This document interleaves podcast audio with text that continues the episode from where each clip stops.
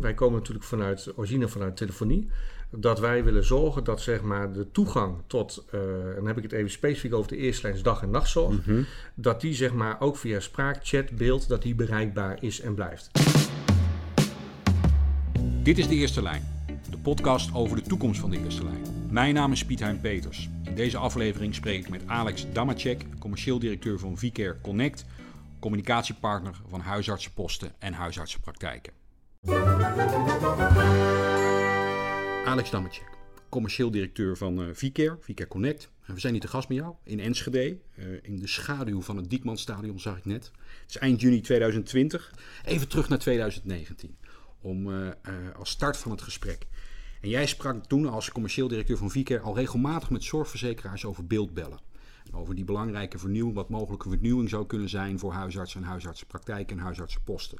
Wat was de reactie die je toen kreeg daarop? Uh, eerst maar welkom hè, in het mooie Twente. Inderdaad, we zitten hier bij, bij het stadion in de buurt.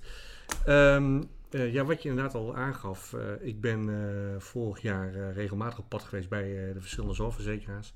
Beeldbellen is voor ons erg belangrijk. Hè. Wij zien dat als een, een extra punt, zeg maar, extra ontwikkeling bovenop die communicatielaag die wij natuurlijk uh, aanbieden. En uh, wat wij terugkregen vanuit de verschillende verzekeraars is echt van, dat is een hele gave ontwikkeling. En wij denken ook wel dat het op termijn wel eens een keer iets kan gaan worden. Maar op dit moment doen we er even niets mee. Um, wat ons betreft krijg je alle steun en, en, en ga vooral je best doen om klanten daarmee te werven om partijen daarvan te overtuigen dat beeldbellen te gaan implementeren. En als dat echt een vlucht neemt, dan, uh, nou ja, dan gaan we weer met elkaar in gesprek.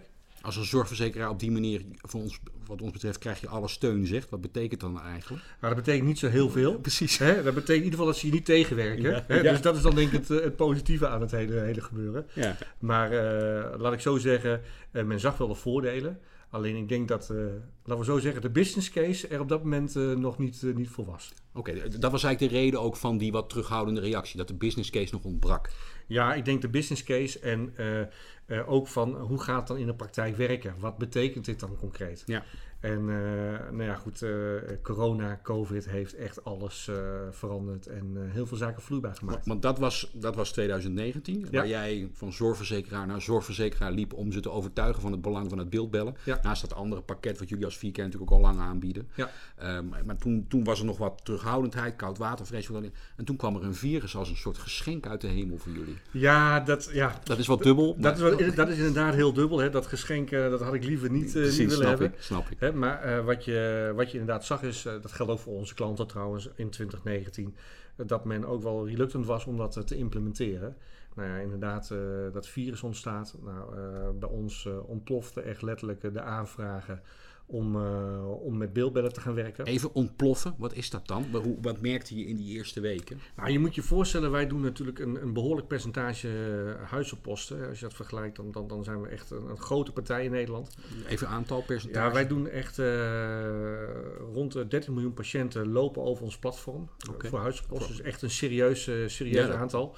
En uh, daarnaast doen we natuurlijk ook heel veel huisartsen. Mm -hmm. Dus wat wij zagen zeg maar, in, in de praktijk is dat op maandagochtend, nou, dan hebben wij van 8 tot 5 over 8 is het bij ons erg druk. Um, en uh, door, door, door COVID, uh, zeg maar, uh, zeker de eerste weken, hadden wij zeven dagen in de week de maandag. Ja. Het explodeerde aan alle kanten. Mensen belden, belden, belden. Het platform werd zwaar onder druk gezet. En op een gegeven moment om die afhandeling in te regelen, ook omdat mensen natuurlijk niet fysiek meer naar de huispost konden, is beeldbellen natuurlijk een fantastische uitkomst. Dus daar is heel vaak gebruik van gemaakt. Al is het maar om een sneltest te doen. Er is niets aan de hand, het gaat goed, maakt u zich geen zorgen, blijf vooral thuis ja, we kregen daar hele positieve opmerkingen over. En, ging dat en dat ging dan enerzijds over mensen die belden met de angst dat ze wellicht COVID hadden. Ja. En anderzijds gewoon mensen met reguliere vragen, maar waar, waarvoor ze ook niet meer naar de huisarts toe konden. Ja, klopt. Dus klopt. Be beide type vragen gingen voluit uh, richting die huisartspraktijk via dat beeldbellen bijvoorbeeld. Ja, ja dat, zagen we, dat zagen we ontstaan. Omdat, uh, wat we ook in de praktijk zagen, de huisarts uh, die, die werd natuurlijk minder fysiek bereikbaar. Of Mhm. mm -hmm. eigenlijk nou, bijna niet meer. Ja, ging redelijk op slot. Ging redelijk op slot. Hè. Eigenlijk alles werd naar een speciale locatie van de huizenpost mm -hmm. geregeld.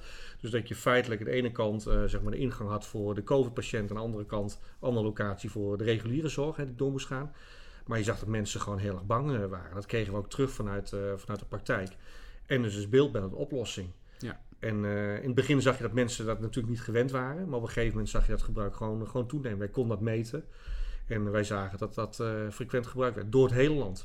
Dus het is niet alleen de regio gedreven, maar mhm. echt heel Nederland. Hoe, wat, wat zag je, de, los even van die kwantitatieve explosie. Ja. Wat zag je kwalitatief? Wat zag je uh, hoe medische professionals, bijvoorbeeld in huisartsenpost of huisartsenpraktijk, hoe die daarmee omgingen? Want voor hen was het ook volledig nieuw. Ja, nou wat wij terugkregen van, uh, van diverse gebruikers, is dat, man, dat men het heel fijn vond, zeg maar, om, om uh, op die wijze niet met die patiënt, zeg maar, fysiek in contact te komen, maar wel door middel eigenlijk van, ja, van, van beeldcommunicatie, dus wel zichtbaar hoe zo'n patiënt zit. Je voelt het misschien niet compleet, maar je kunt wel zien wat de glaasuitdrukkingen zijn. Dus je kunt daar ook wel op handelen. Je ziet of iemand echt bang is of niet. En dan kun je eigenlijk vrij snel een analyse doen. Je hebt eigenlijk binnen 30 seconden heb je wel door of een minuut bij van spreken van, nou ja, dit is een ernstig geval of niet. Of het nou reguliere zorg mm betreft of uh, corona.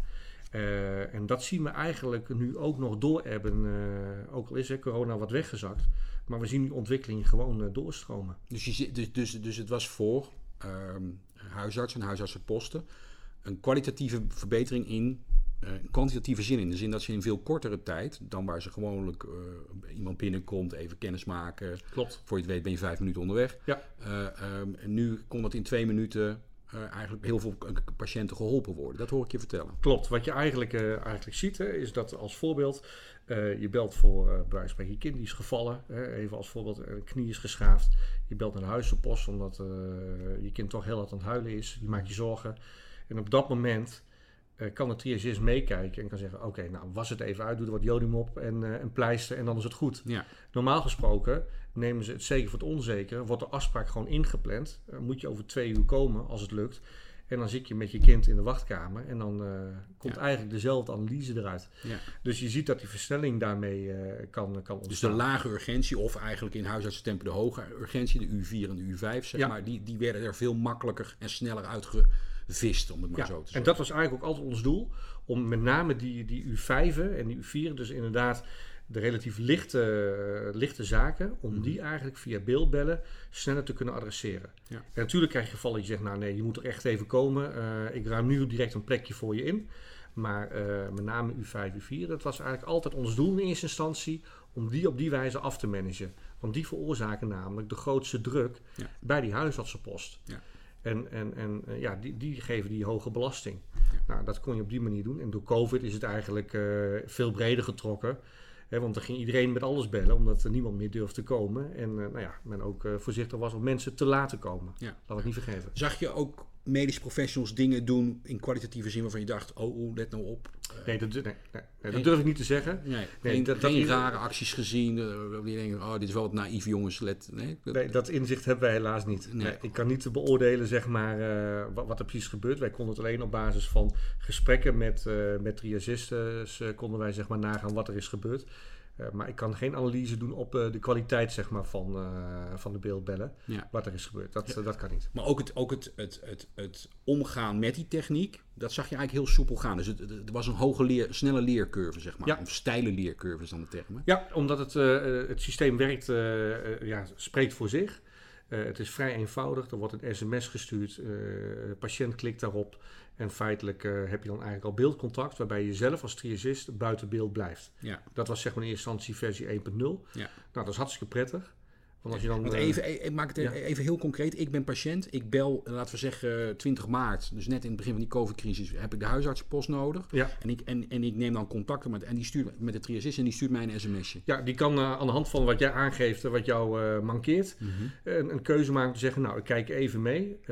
voordat ik de keuze maak om je te laten komen of om ja. je een, een pilletje voor te schrijven, bij wijze van spreken. Ja. Dus uh, nou, dan kun je inderdaad een, uh, een, een beeldcommunicatie opstarten. Je stuurt een sms naar de betreffende patiënt op het uh, aangegeven mobiele nummer. Ja.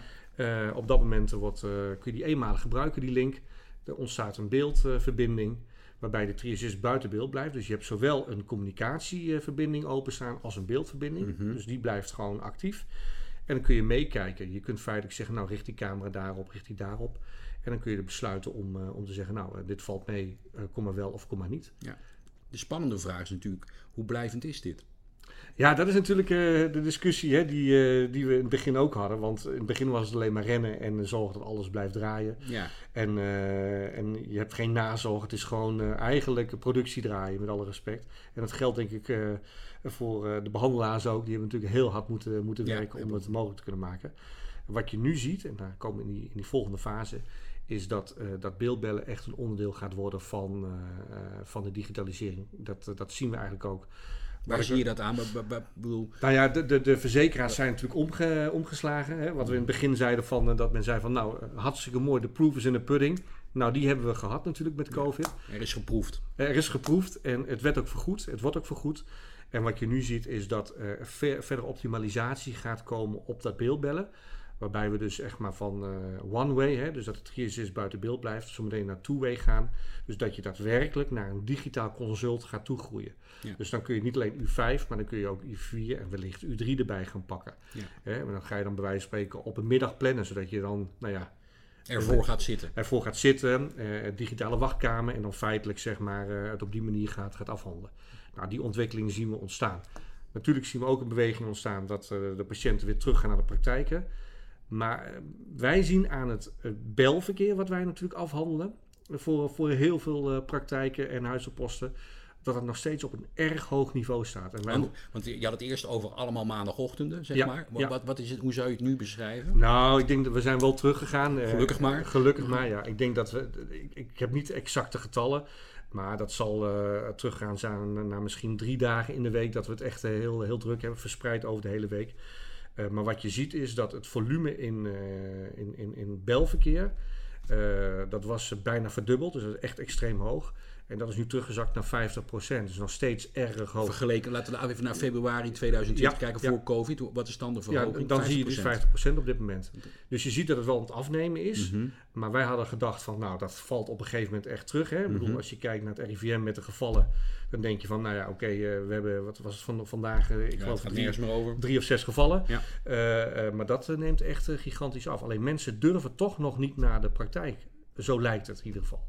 Maar is dat dan de driver? In de zin dat mensen nog niet naar de praktijk durven? Of zeg jij nee, we zien ook een beweging. Misschien durf je dat ook nog niet uit. Ik kan me voorstellen dat je het eigenlijk ook nog niet echt weet. Maar we zien ook echt een beweging dat mensen dit als een volwaardig alternatief zijn gaan beschouwen. Nou, ik, of is dat de spanning? Nou ja, ik, ik denk dat het een combinatie gaat worden. Ik uh, denk dat, uh, dat er zeker een aantal mensen zijn die niet durven te komen. Ik denk dat oudere mensen nog steeds een probleem hebben om, uh, om te komen. Mm -hmm. En ik denk dat dat uh, een lang, lang, uh, lang leven beschoren blijft, mm -hmm. als ik zo mag zeggen. Ja. Dus ik denk dat we daar gewoon, daar gaan we inderdaad een digitalisering toe. Daar ontkom je gewoon niet aan.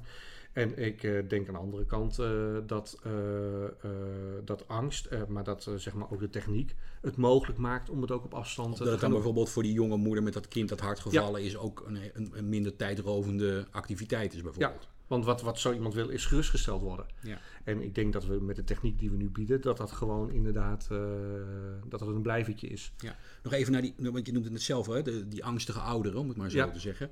Uh, het vooroordeel vaak daarbij is, en het vooroordeel zeg ik er nadrukkelijk bij, is toch dat hij wat digibeter is. Uh, uh, dus dat hij toch wat minder onderlegd is met zo'n sms, klikken, mobiele telefoon, beeld, et cetera. Wat, is jullie, wat, is jou, wat, wat antwoord jij dan op dat soort... Nou, ik heb misschien een mooi voorbeeld waarmee ik kan, kan aantonen dat het op zich heel erg meevalt. Want dat denken we namelijk altijd. Wij hebben uh, vorig jaar hebben wij ook een, een andere uh, oplossing in de markt gebracht. Dat was de callback module. Mm -hmm. Dat betekent dus op het moment dat je op inderdaad die ene maandagochtend belde en je huisarts was in, in gesprek, dan had je de, de optie om te kiezen, of heb je de optie om te kiezen van ik wil op een later moment teruggebeld worden. En dan kun je zelf een moment inschakelen, het systeem rekent dat helemaal door, geef je nummer op en dan word je ook daadwerkelijk bij wijze van spreken tussen 2 en 10 over 2 teruggebeld. En wij dachten in het begin ook van, nou ja, dat gaan alleen maar jonge mensen doen. Dat gaan de ouderen per definitie niet doen. Uh, maar het blijkt dat ook ouderen dat gewoon doen en het eigenlijk hartstikke fijn vinden. Ja. Maar het feit dat ze gehoord worden is eigenlijk veel belangrijker dan dat je daadwerkelijk zeg maar, op dat moment dat, uh, dat contact wilt hebben. Ja. Uh, dus ik denk dat, dat we dat misschien wat overdrijven. Ik denk dat die oudere best bereid is en het ook kan om, om zeg maar die nieuwe technieken te omarmen. Ja, en, en huisartsen of huisartsenposten, die, die medische professionals die zeggen... ja, Alex, mooi verhaal, maar als het erop aankomt, zie ik mijn patiënten toch eigenlijk liever zelf even. Uh, Gewoon ook voor die, voor die U4, U5. Dan kan ik het even goed, ik kan ik even de hele patiënt zien, even de context. Hè. Je kent de argumenten. Wat, wat, wat zeg jij dan, dan nu op? Nou ja, laat ik zo die discussie hebben die we nog. natuurlijk al eeuwen. Die zijn, uh, die zijn oud, even oud. En, en die discussie zullen we ook blijven houden. Ik moet zeggen dat ik op dit moment die discussie nog niet heb. Uh, dus we zitten nog wel in die fase dat iedereen nog helemaal lyrisch is over de ontwikkelingen Mhm. en, en wat er is. Maar die discussie gaat natuurlijk komen. Hè. Je hoort her en der al in de markt dat men zegt, ja, we moeten wel weer terug naar, uh, naar normaal. Hè, dat ik die patiënt kan zien. Mhm. En dat gaat ook gebeuren. Um, maar onderdeel van dat zien van die patiënt uh, gaat ook in de vorm van, uh, van digitaal contact. Dat, dat kan niet meer weg. Jij hebt waarschijnlijk ook met, uh, met enig plezier geluisterd naar het initiatief van Zilveren Kruisen en, en eh, de Patiëntenfederatie om te zeggen wij willen graag als het, het, recht van cliënten op digitaal contact ook echt in de wet gaan vastleggen. Oké, okay, nou ja, goed. Dat, dat, dat, dat, is nog nieuw voor jou? Dat is nog nieuw voor mij. Nou, wauw. Oké, okay, die heb ik nog niet meegekregen. Oké, okay. maar dat, dat, zou je toejuichen, denk ik. Hè? Dat, ja, dat, meer een, plek, een wettelijke plek zou krijgen. Nou, ik weet niet of je het wettelijk moet afdwingen, hè, maar goed, dat laat ik even, even midden. Maar ik vind het initiatief, het feit dat men zegt, dit is, dit is een ontwikkeling... En dat een zorgverzekeraar en een patiëntenfederatie daar samen in optrekken. Precies, dat is natuurlijk gaaf. Dat is, uh, dat is geweldig. Ja. Want daar, uh, als je gaat kijken naar de zorg in het algemeen, we moeten die stappen ook nemen. Want natuurlijk voor COVID, dat is natuurlijk een uh, heel negatief en enabelig geweest. Maar voor COVID hadden we natuurlijk al de situatie met uh, verouderde uh, huisartsen, met de opvolgingen van Ja. de praktijken wat een probleem is. En dat is misschien in Amsterdam een minder probleem, maar ik, ik heb het laatst ook weer gehoord. In Zeeland, in Noord-Nederland en Limburg is het een groot probleem. Ja. Dus je ontkomt er niet aan om die digitalisering op te gaan pakken. Dus eigenlijk is wat er nu gebeurt een logisch gevolg van een beweging. Maar het zat al in de pijplijn. Het zat al in de pijplijn. Alleen het is nu wel extreem versneld. Ja. Op een recent uh, webinar van de Eerste Lijns, uh, vorige week geloof ik, werd gesproken over uh, corona als, startlijn, als start zijn van de digitale transformatie. Als dat, dat de grote enabler wordt van de digitale transformatie van de eerste lijn. Deel jij dat? Zeg je, ja, dit, dit, dit is wat we, en, en, en dit klinkt wat verkeerd hoor weer, maar dit is wat we nodig hadden voor die digitale transformatie? Ja, ja wat ik al net zei, de praktijk wijst het helaas wel uit hè, dat, dat je zoiets nodig hebt. Zo'n grote schok. Zo'n grote, grote schok. En, en eigenlijk geldt nu van never waste a good crisis. Hè, en dat is wat we eigenlijk nu wel aan het doen zijn. Uh, dat je inderdaad gaat kijken van hoe kan ik nu inderdaad die digitale vormen. Want je hebt natuurlijk nu, uh, uh, video is één. En dat is een relatief simpele, zeg maar, die dichtbij komt. Maar we gaan natuurlijk straks ook naar een digitalisering van het consult. Dat je feitelijk al pre-consults kunt gaan doen. Ja, daar gaan we zo meteen nog even ja. verder over hebben. Ja, maar dat zijn natuurlijk ontwikkelingen die, ja. die, die al in de pijplijn zaten. Ja, die gaan wel door. Ja. En als je dan zegt digitale transformatie. Even hardop denken. Hè. Even, even, um, um, hoe, hoe, hoe gaat dat doorwerken in de organisatie van een huisartsenpost dan wel huisartsenpraktijk? Waar, waar praten we dan over? Hoe, hoe, mijn beeld is nu, als ik als patiënt uh, uh, ergens last van heb, dan kan ik op thuisarts.nl kijken en vervolgens bel ik, als ik toch denk, nou, toch even bellen, dan word ik daar nou, door een zeer bekwame, vaak uh, zeer ervaren assistent keurig opgevangen. En die, die doet eigenlijk al de U4 en U5, om het maar even zo ja. te zeggen. Ja. Um, dus wat, wat, en, en, die heeft daar dus ook al een rol in. En eventueel word ik dan doorgelaten naar de huisarts, om het maar zo te zeggen. Mm-hmm. Um, wat, wat, gaat, wat betekent dan digitaal transformeren? En hoe, hoe, werkt zo, hoe werkt dat door in de organisatie van zo'n praktijk? Nou, ik, ik kan hem even vanuit de communicatielagen ja. benaderen. Hè, want ik uh, zit niet zeg maar, aan nee, het uh, vak van... Snap ik, snap ik. Dan, ik, vraag, ik wil niet te veel van je vragen, sorry. Ik probeer echt die communicatielagen te, te benaderen. En wat je daar eigenlijk, eigenlijk ziet is dat wij, wat wij doen... Wij komen natuurlijk vanuit origine vanuit telefonie dat wij willen zorgen dat zeg maar, de toegang tot, uh, en dan heb ik het even specifiek over de eerstlijns dag- en nachtzorg, mm-hmm. dat die zeg maar, ook via spraak, chat, beeld, dat die bereikbaar is en blijft. Ja. Waar we in eerste instantie alleen maar spraak deden, dus telefonieverkeer, zie je dat er nu ontwikkelingen zijn op uh, beeld, hè, wat we in de praktijk brengen, en ook chat. Nou, chat kun je natuurlijk verder uitbreiden dat je feitelijk daar een laag tussen gaat zetten. En uh, hè, jij noemt het thuisarts.nl. Nou, wij hebben er ook een oplossing uh, voor. Waarbij je zeg maar een soort triage al gaat doen, een pre-triage. Dus feitelijk al zelf diagnose kunt gaan doen. Waardoor dus je al helemaal niet bij die arts uitkomt. Even, even ik ben die patiënt en, ik, ja. en het is uh, half drie s'nachts. Ja. Laten we het maar even moeilijk maken. En ik, uh, en ik heb ergens last van en dan, en dan ga ik chatten. Dat, dat zou je kunnen doen, hè? maar wij benaderen het even in eerste instantie nog vanuit de telefonie. Ja. Dus uh, die huisartsenpost hartstikke druk. Dus je belt naar de huisartsenpost. Nou ja, je moet daar in de wacht staan. Ik weet niet of je zelf een keer in de wacht hebt gestaan bij de huisartsenpost. Maar dat kan lang duren, omdat het druk is. Mm-hmm. Dan krijg je eigenlijk al in die, in die call aangeboden om jezelf te triëren. Ja. Nou, dan uh, feitelijk ga je maar dan... Ik ga mijzelf triëren. Ja. Ik moet hier even op kouwen, ja? Oké, ga verder. Je, gaat, je gaat er zelf diagnose doen. Ja. Dus eigenlijk wordt er gezegd, nou, wilt u dat, wilt u dat, uh, wilt u dat gaan doen? Wilt u gaan kijken wat, wat er aan de hand is? Even kort door de bocht. Ja. En dan krijg je inderdaad vragen aan de hand van de, de, de symptomen die je hebt. krijg je allemaal vragen, die ga je doorakkeren. En dan komt daar iets uit. Het kan iets zijn van, nou, het valt mee, neem een tabletje en uh, het is goed. U hoeft geen contact met de arts uh, te hebben. Hiermee is de call afgesloten. U mag altijd blijven wachten. Mm -hmm.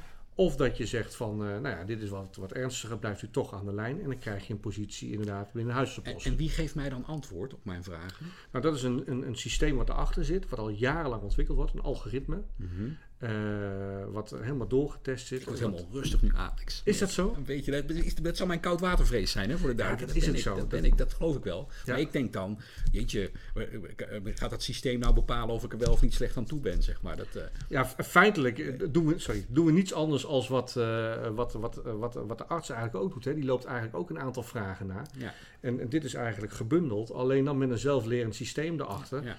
Ja, waardoor je toch met een, met een grote zekerheid kunt, kunt stellen dat wat eruit komt, dat dat waar is. Ja. En uh, dat wordt wereldwijd ook gebruikt. Het is niet iets dat wij nu hier in Nederland even in Enschede, in Enschede uh, hebben, bij het Diekman Stadion hebben, hebben verzonnen. Het is echt iets wat, wat echt wereldwijd al meer dan 90 miljoen keren is gebruikt, die analyse. Ja. Echt door test, uh, zitten medici achter, wordt Ja. continu bijgewerkt. En, en dat is ook waar we naartoe moeten, omdat je ziet zeg maar dat natuurlijk gaat daar wel eens een keer iets fout. Alleen, Maar het gaat bij een huisarts ook wel eens fout. absoluut. Of bij een uh, triage door Absoluut. Juist. Alleen, laat ik zeggen, de, de keren dat het goed gaat, is echt extreem hoog. Ja. En je ziet dat dat steeds beter wordt. Door dat algoritme. Door het Het algoritme. zelflerende. Ja, en uh, daarom dat we ook hebben gezegd, we gaan, we gaan geen uh, U1 en U2 oppakken.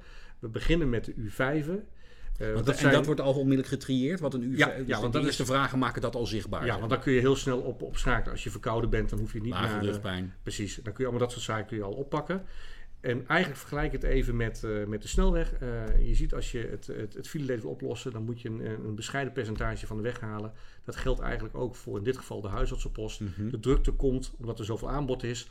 Als we maar een klein stukje van de aanbod weghalen, wij krijgen echt terug van als je 10% weghaalt, dan hebben we eigenlijk het probleem in eerste instantie al getackeld hè, van die drukte. Nou, dat is wat we nastreven. We streven geen 100% na via dat algoritme, want dat is niet realistisch. Mm -hmm. Maar ik probeer die U5 en dan langzaam zakken naar U4 om die te gaan, gaan tackelen. Ja. En dat is wel waar we naartoe gaan. En we hebben het over, over de vernieuwing van de eerste lijnzorg in deze podcast. Hè? En jij vertelt van ja, 2019 zorgverzekeraar, koudwatervrees, vervolgens uh, coronacrisis. Daar zien we uh, dat in één keer dat beeldbellen een enorme versnelling heeft. Dat is eigenlijk dus de schok die het systeem nodig Ja. had om, om de stap te gaan zetten naar die digitale transformatie. Die sowieso nodig is vanwege de afnemende uh, arbeidspotentieel en de toenemende druk door de vergrijzing. Hè. Dus, dat, Ja, dat, klopt. dat, dat, Ja. dat speelt allemaal. En jij zegt vervolgens, ja, niet alleen dat beeldbellen, maar we gaan nog een stap verder zetten. Ook nog naar dat, naar dat triëren toe, waarbij je juist aan de voorkant al een soort digitaal zelflerend systeem hebt, waarbij veel U4 en U5-achtige klachten afgevangen worden en niet meer bij de huisarts terechtkomen. Dat, Ja. dat, is, dat is de ontwikkeling Klopt. die je schetst. Wat vraagt het aan investering van huisartsen om, dat, om, om, om daarmee aan de gang te gaan? Financieel, hoe, hoe kijk je daar tegenaan? Eh, financieel is het, eh, valt het eigenlijk eh, reuze mee. Ja, dat, dat zegt natuurlijk de commercieel Nee, directeur. Ja, zeker, zeker. Maar dat is ook echt zo. Ik- ik denk dat de belangrijkste uitdaging wordt dat we met beeldbellen is dat nu geregeld, hè, dat feitelijk de zorgverlener vergoed wordt. Dat geldt eigenlijk ook zo meteen voor het triëren. Je ziet dat dat eh, nu nog lastig is, want er zijn natuurlijk verschillende initiatieven met thuisarts.nl, nou noem ze allemaal op. Eh, eigenlijk moet je dat, eh, als je dat daadwerkelijk tot een consult wil gaan brengen, want dat is wat we nastreven natuurlijk, hè, om die U5 af te vangen, dan zou een zorgverzekeraar dat moeten gaan vergoeden. En ik denk dat dat de grote uitdaging gaat worden. Ja. Men staat er positief tegenover. Dat is wel wat ik terugkrijg. Van hé, hey, dat is wel een ontwikkeling waarvan we zien, hé, hey, wauw. En die kan gaan bijdragen aan dat probleem, dat Absoluut. fundamentele probleem dat we hebben. Ja, eh, dus eh, men wil daar gaan werken, maar dat wordt de uitdaging. Maar in principe verandert er niets aan de bekostiging. Of je nou fysiek bij eh, de huisartstafel zit om je klachten over je hoofdpijn zeg maar, te bespreken, of je doet het via het systeem. Eigenlijk maakt het niets uit. En voor mij is daar het verdienmodel is daar eigenlijk helemaal niet, niet belangrijk in. Ehm, als je ehm, even een stap naar. In een andere podcast die, die, we maken in deze serie sprak ik met Jan-Erik de Wild. Ja. En uh, die bepleit ook nadrukkelijk de afstemming tussen onderling professionals in de eerste lijn. Waarbij het dan vooral ook gaat, hij had het in dat gesprek over de afstemming tussen uh, klassieke eerste lijns professionals zoals de huisarts en mensen uit het sociaal domein, wat, wat meer zo wijkteams en dat soort professionals. Dus dat onderlinge overleg.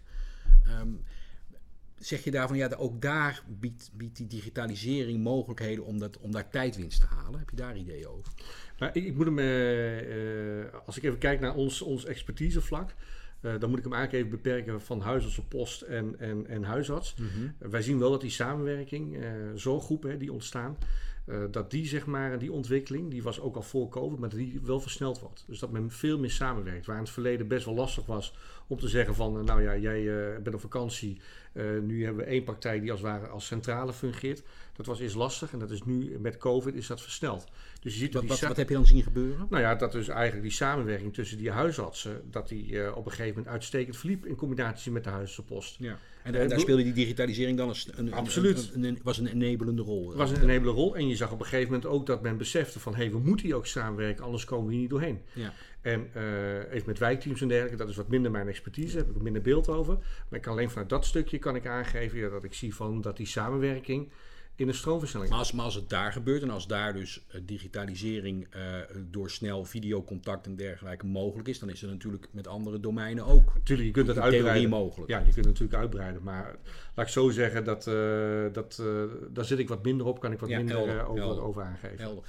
Um, um, ik, nog even, wat, wat, wat ik in dat gesprek met Jan-Erik ook hoorde, is dat, dat punt van, ja, dan zie je bijvoorbeeld botsende ICT-systemen. Professionals die met verschillende ICT-systemen werken en daar dan dat gaat dan conflicteren met elkaar. Hoe kijk jij daarnaar? Nou, dat is precies uh, wat, ik, wat, ik, wat wij dus zien ontstaan. Ja, wij, waar je het net ook over Ja, wij krijgen nu heel veel offerte-aanvragen van uh, zorggroepen die feitelijk zeggen van ja, we hadden die ontwikkeling al ingezet om naar een gezamenlijk, in dit geval een communicatiesysteem te gaan. Maar door, door COVID is het eigenlijk versneld en moeten we dit nu gewoon gezamenlijk gaan oppakken. We hebben een ratje toe in de regio en dat willen we gaan centraliseren op één systeem, zodat we eigenlijk die uitwisseling nog efficiënter kunnen gaan bedrijven. En dat zie je niet alleen op, uh, in dit geval mijn vakgebied, hè, communicatie, maar dat zien we ook op het HIS-systeem. Dat daar uh, die ontwikkelingen zeg maar, versneld ingaan, doorgaan.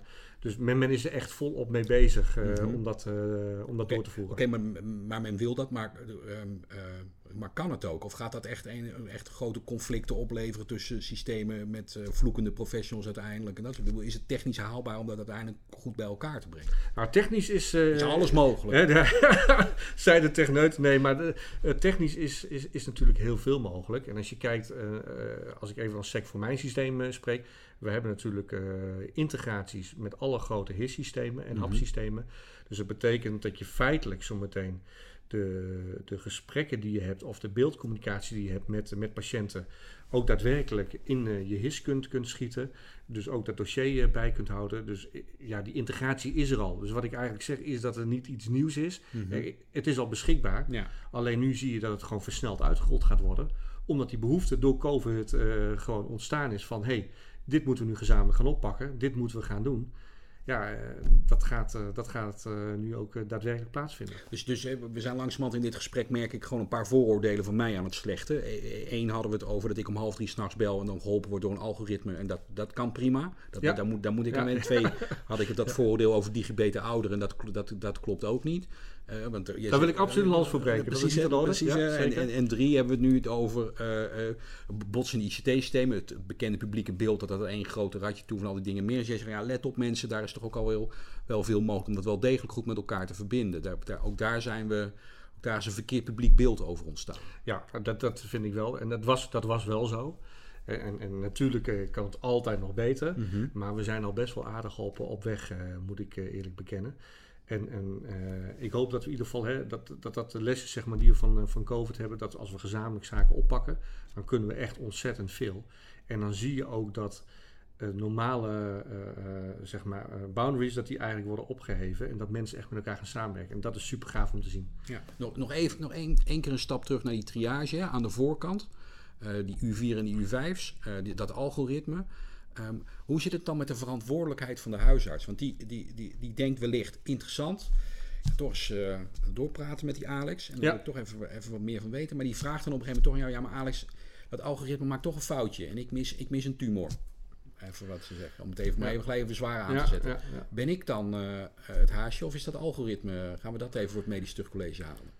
Nou, eh, ik weet niet of het zo ver komt. Hè? Want dat, is, uh, dat zou namelijk in de normale praktijk dan ook wel een groot probleem zijn als iemand een verkeerde diagnose maakt. Dus ik denk niet dat het zo ver komt. Dat gaat denk ik wat te ver. Ik zet hem wat aan. Klopt. Ja, absoluut. Uh, kijk, wat je wel ziet is, wij hebben nu een aantal vragen bij NRG neergelegd van geef nou eens wat richtlijnen over hoe we straks met die digitale zorg, dan heb ik het met name over triage, hoe we daarmee om moeten gaan. En daar is men hard over aan het denken. dat is natuurlijk ook nieuw. dus men is daar volop mee bezig om die digitale richtlijn te gaan definiëren. Dus die zijn er gewoon nog ja, niet. precies. Dus je, je, je, betrekt aan de voorkant nu al de NHG erbij om na te denken over wat, waar kunnen we jullie nou aan die voorkant bij die U4 en U5 in die triage, digitale triage al van dienst zijn. Ja. Hoe zou dat eruit moeten zien? Ja, en, waar, waar moet een systeem aan voldoen? Als bijvoorbeeld hè, behandelovereenkomst. Die heb je normaal gesproken zeg maar, als patiënt met, eh, met je arts. Uh, hoe ga je dat dan digitaal regelen? Moet je dan bij wijze van spreken eerst op akkoord klikken? Of hoe, hoe gaat dat in zijn werk? Ja. Nou, die, dat pad zeg maar, moet nog uh, uitgewerkt worden. Dat is nieuw. Alleen uh, neem niet weg dat je zeg maar, met het systeem nu al aan de slag kunt. Dat helpt je gewoon eigenlijk om je dagelijke business gewoon beter te kunnen organiseren. En dat is waar het eigenlijk in eerste instantie om gaat. Oké, okay, we gaan even vooruit in de tijd en, en richting de eind van dit gesprek. 2025 ehm, en het coronavirus is dan afgezwakt tot een mild griepje. En uh, we zijn in dit land uh, de, de, regerend wereldkampioen voetbal op dat moment. Ah, dat zou fantastisch, dat zou fantastisch zijn. En er is ook een deltaplan gekomen om de gevolgen van het flink gedaalde grondwaterpeil aan te pakken. Bijvoorbeeld in deze regio. Dus allemaal, allemaal ontwikkelingen, nieuwe wereld. Hoe ziet de huisartsenpraktijk en de huisartsenpost er op dat moment uit? In de lijn van het gesprek wat we hier hebben, wat, wat zie jij dan? Zo, nou dan, uh, dan stel je me wel een... Uh, een, een, uh, een mooie slotvraag. Een, een, mooie slotvraag. Hoeveel tijd hebben we nog? nee, dat is flauw. ik weet niet of ik zo ver wil kijken. Mm-hmm. Want dat is echt, als je gaat kijken... Vijf jaar? Vijf jaar is echt in, op het gebied van, ja? van, dat, van techniek is... Is niks. Is, is, ja, we moeten eigenlijk maar een jaar vooruit kijken, ja, hoort Ja, eigenlijk okay, Ja, ik, ik, ik, kom je tegemoet. Kijk, 2000... 21, we zijn een jaar verder. Ja, wat ik, eh, wat ik eigenlijk, uh, wat ik, ideaalbeeld wat ik dan zou zien, is dat je feitelijk op verschillende manieren je zorgverlener kunt benaderen. Of dat nou inderdaad via app is, of via beeld, of via telefoon, of via chat. Uh, dat je feitelijk toegang krijgt tot een, een, ongelooflijk slim systeem, wat je kan helpen om een eerste diagnose te stellen. Waarmee je eigenlijk heel eenvoudig toegang kunt krijgen tot een zorgverlener. Die dan bij wijze van spreken een digitaal consult met je kan, kan afhandelen. Waardoor je eigenlijk nou ja, op ieder moment van de dag naar toegang kunt krijgen tot, tot het zorgsysteem. Dat zou mijn ideaalbeeld zijn. En met, met de triage mhm. kun je feitelijk ook 24 keer 7 kun je toegang krijgen tot kennis van, uh, van, van, van de medische techniek, zeg maar, van wat je eventueel mankeert. Hoe werkt dat dan in de organisatie van zo'n huisartspraktijk? Want ik kan me dan voorstellen dat er dan dus dat er dan een huisarts is die op dat, die die dag de digitale consulten doet en een huisarts die die dag de fysieke consulten doet. Dat soort dingen ga je dan krijgen. Ja. Dat soort onderscheiden. je, je, krijgt feitelijk uh, als huisarts uh, de, de vragen die ik heb beantwoord, die krijg, je, die krijg je beschikbaar. Dus op het moment dat jij uh, iets uitkrijgt dat je toch moet bellen, dan krijg ik jouw hele vraaggeschiedenis ja. krijg ik, uh, krijg ik voor mijn neus. Dus ik weet precies wat je eigenlijk al hebt geantwoord en wat het systeem heeft Waardoor je als huisarts maar, maar misschien maar vier minuten nodig hebt in plaats van twaalf. Ja, absoluut. Want je scant, je, je, je, op een gegeven moment ken je natuurlijk ook hoe die, hoe, die, hoe die stappen lopen. Dus je kunt heel snel schakelen. Dus je hebt eigenlijk al vol informatie gekregen over wat aan de hand is. Dus je kunt veel sneller en veel effectiever kun je die, eh, die patiënt gaan bedienen. Mag ik je danken, Alex Damacek, van eh, de commercieel directeur van eh, uh, je Dankjewel. Oké, okay, dankjewel.